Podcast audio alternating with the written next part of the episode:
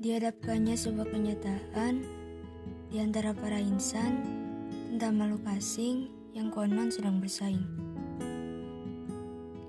Insan pun kebingungan karena semestanya sedang kesakitan. Berlarian mencari pelindungan hingga lupa diam di rumah pun sudah teraman. Aneh, semestanya kesakitan, bukan ingin pamitan kawan. Kabar baik dari Tuhan baik. Apa itu orang baik? Bersihkan tubuhmu, lalu diamlah di perlindunganmu. Hanya itu.